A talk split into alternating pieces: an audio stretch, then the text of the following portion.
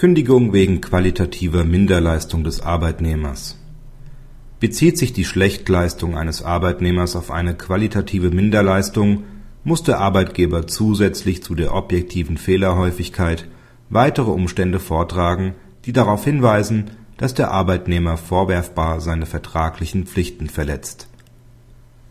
Die Arbeitnehmerin ist als Lager und Versandarbeiterin bei der Arbeitgeberin tätig. Sie stellt insbesondere Warensendungen auf der Grundlage von Kundenbestellungen zusammen. In den Jahren 2003 und 2004 verursacht die Arbeitnehmerin ausweislich des elektronischen EDV-Systems eine Fehlerquote zwischen 4,01 und 5,44 Prozent.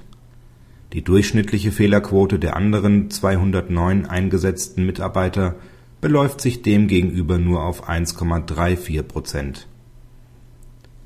In dem genannten Zeitraum mahnt die Arbeitgeberin die Arbeitnehmerin zweimal ab. Sie kündigt schließlich das Arbeitsverhältnis aus verhaltensbedingten Gründen.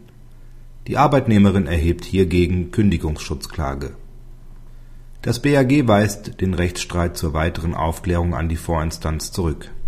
Nach seiner Auffassung hat das LAG den Maßstab für die Beurteilung der ausgesprochenen Kündigung verkannt.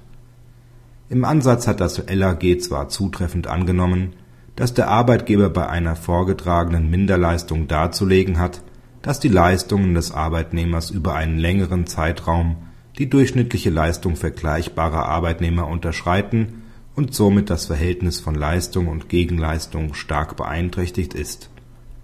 Sodann ist es Sache des Arbeitnehmers darzulegen, dass er trotz dieser unterdurchschnittlichen Leistung seine persönliche Leistungsfähigkeit voll ausgeschöpft hat. Im Fall einer qualitativen Minderleistung genügt es jedoch nicht, auf die bloße Fehlerhäufigkeit abzustellen. Absolute Bezugsgrößen berücksichtigen nämlich nicht hinreichend, dass je nach Art der Tätigkeit die dabei auftretenden Fehler ein sehr unterschiedliches kündigungsrelevantes Gewicht haben können so kann bereits eine einmalige Vertragspflichtverletzung eines Piloten weitreichendere Konsequenzen haben als diejenige eines Lagerarbeiters. Deshalb ist zusätzlich zu der bloßen Fehlerhäufigkeit eine einzelfallbezogene Betrachtungsweise unter Berücksichtigung der konkreten Arbeitsanforderungen und Gegebenheiten des Arbeitsplatzes geboten.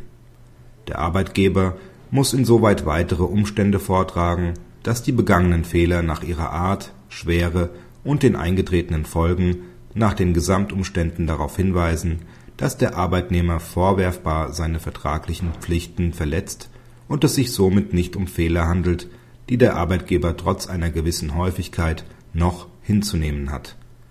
Diese Feststellungen müssen vom LAG noch nachgeholt werden. Kritik Das Urteil ist in mehrerer Hinsicht kritikwürdig das BAG schränkt seine frühere Rechtsprechung zur Kündigung bei Minderleistung damit erheblich ein. Nach Auffassung des Gerichts soll nun offenbar hinsichtlich quantitativen und qualitativen Minderleistungen eine unterschiedliche Darlegungslast des Arbeitgebers bestehen. Wie diese beiden Kategorien abzugrenzen sind, erklärt das BAG nicht.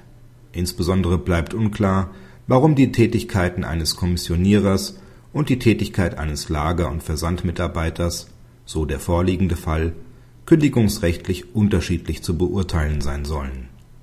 Die vom BAG nunmehr für qualitative Minderleistungen aufgestellten zusätzlichen Hürden können Arbeitgeber kaum überwinden, da sich in der Praxis bei einer über einen längeren Zeitraum geführten Fehlerdokumentation nicht für jeden einzelnen Fehler bestimmte schwerwiegende betriebliche Ablaufstörungen nachweisen lassen. Das vorliegende Urteil beseitigt somit nahezu vollständig die in früheren Entscheidungen gewonnene Rechtssicherheit hinsichtlich des Ausspruchs von Kündigungen gegenüber Low-Performern